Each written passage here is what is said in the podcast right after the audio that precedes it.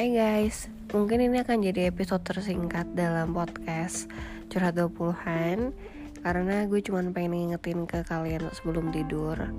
Kalau misalnya kalian ngerasa capek dengan apa pun yang kalian alami hari ini Seminggu ini, sebulan ini All you need to do is not to quit But just take a break.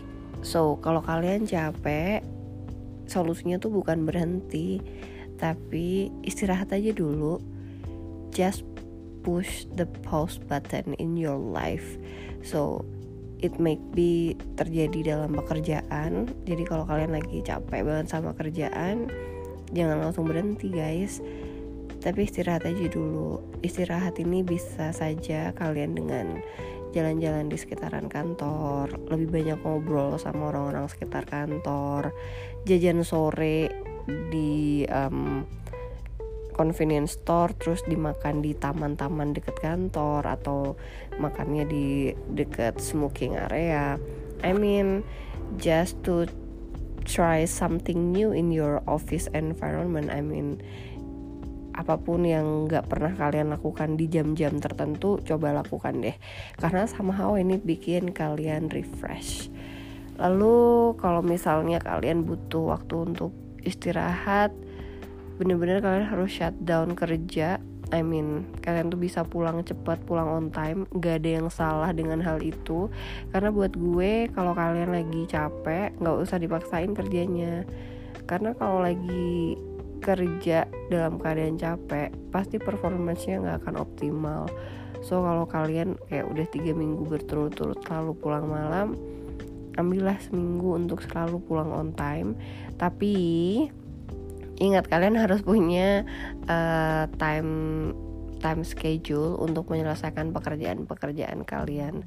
Buat um, daftar prioritas pekerjaan buat uh, schedule-nya lalu pada akhirnya kalian bisa harus bisa menyelesaikan pekerjaan sesuai deadline yang sudah seperti kalian desain sebelumnya karena menurut gue istirahat yang cukup itu adalah suatu kunci untuk mendapatkan performance yang maksimal saat bekerja.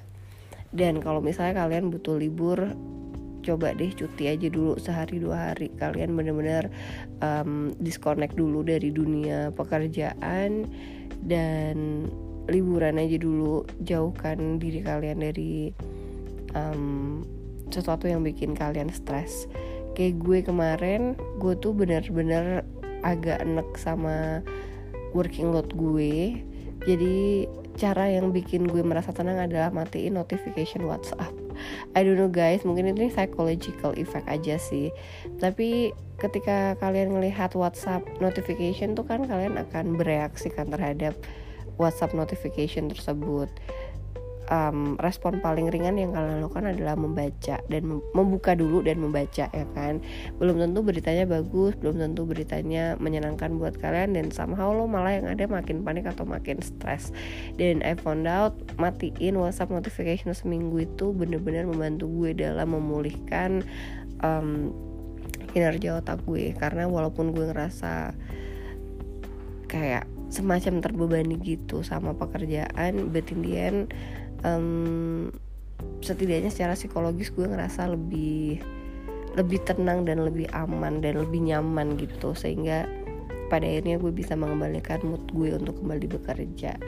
Nah kalau misalkan nih kalian um, ingin disconnect dari sekitar, pastiin kalian tuh kasih tahu dulu ke orang-orang yang membutuhkan kalian the most karena apa pun mereka um, apa ya karena bagaimanapun role kalian dalam pekerjaan itu kan berpengaruh terhadap divisi lain. Jangan sampai kealfaan kalian di WhatsApp itu menimbulkan masalah baru gitu kan. Sehingga ketika lo mau memilih untuk matiin notifikasi WhatsApp please tell everyone uh, you shut your phone down atau you shut your WhatsApp down and they will call you when they need you the most Terakhir nih guys, sebenarnya pekerjaan itu harusnya dihadapi sih. Any problem harusnya dihadapi, bukan buat dihindari ataupun ditunda. In the end, ketika lo cuma nunda-nunda permasalahan, lo tuh cuma nunda-nunda um, meledaknya bom waktu gue selama seminggu cukup sering menunda pekerjaan akhirnya weekend gue tuh ngerasa nggak tenang gue bahkan tidur dihantui pekerjaan so the thing is jangan tunda-tunda pekerjaan langsung selesaikan sekarang juga. Kalau lo nek bolehlah menunda pekerjaan tapi lo harus punya itu tadi ya skala prioritas timeline dan juga deadline. So lo nggak akan mengecewakan tim lo mengecewakan atasan lo mengecewakan pihak-pihak terkait sama diri lo. Nah bagaimana kalau relationship pun merasa dalam keadaan capek? Hmm, mungkin juga guys perlu masing-masing ruang dan waktu ya untuk berpikir apakah relationship ini masih membahagiakan untuk kalian. Apakah komitmen yang kalian jalani ini masih sesuai dengan komitmen awal yang kalian bina gitu kan. Jadi kalau kalian udah ngerasa capek banget just take a break obrolin tapi ya bukannya disimpan gitu. Kadang yang membuat couples nggak bahagia adalah ketika mereka nggak bisa talk to each other nggak bisa sharing nggak bisa discussion. Begitu baru buka obrolan untuk berdiskusi aja salah satu pihak udah merasa terintimidasi terus tone suaranya udah naik. Itu yang salah gitu. Sehingga kalau kalian dua-duanya lagi ngerasa capek dalam menjalani hubungan itu and if you guys cannot talk just give each other space. Kayak ya udah um, take your time untuk berpikir. We never know what will happen next but at least you figure it out what do you want uh, within yourself.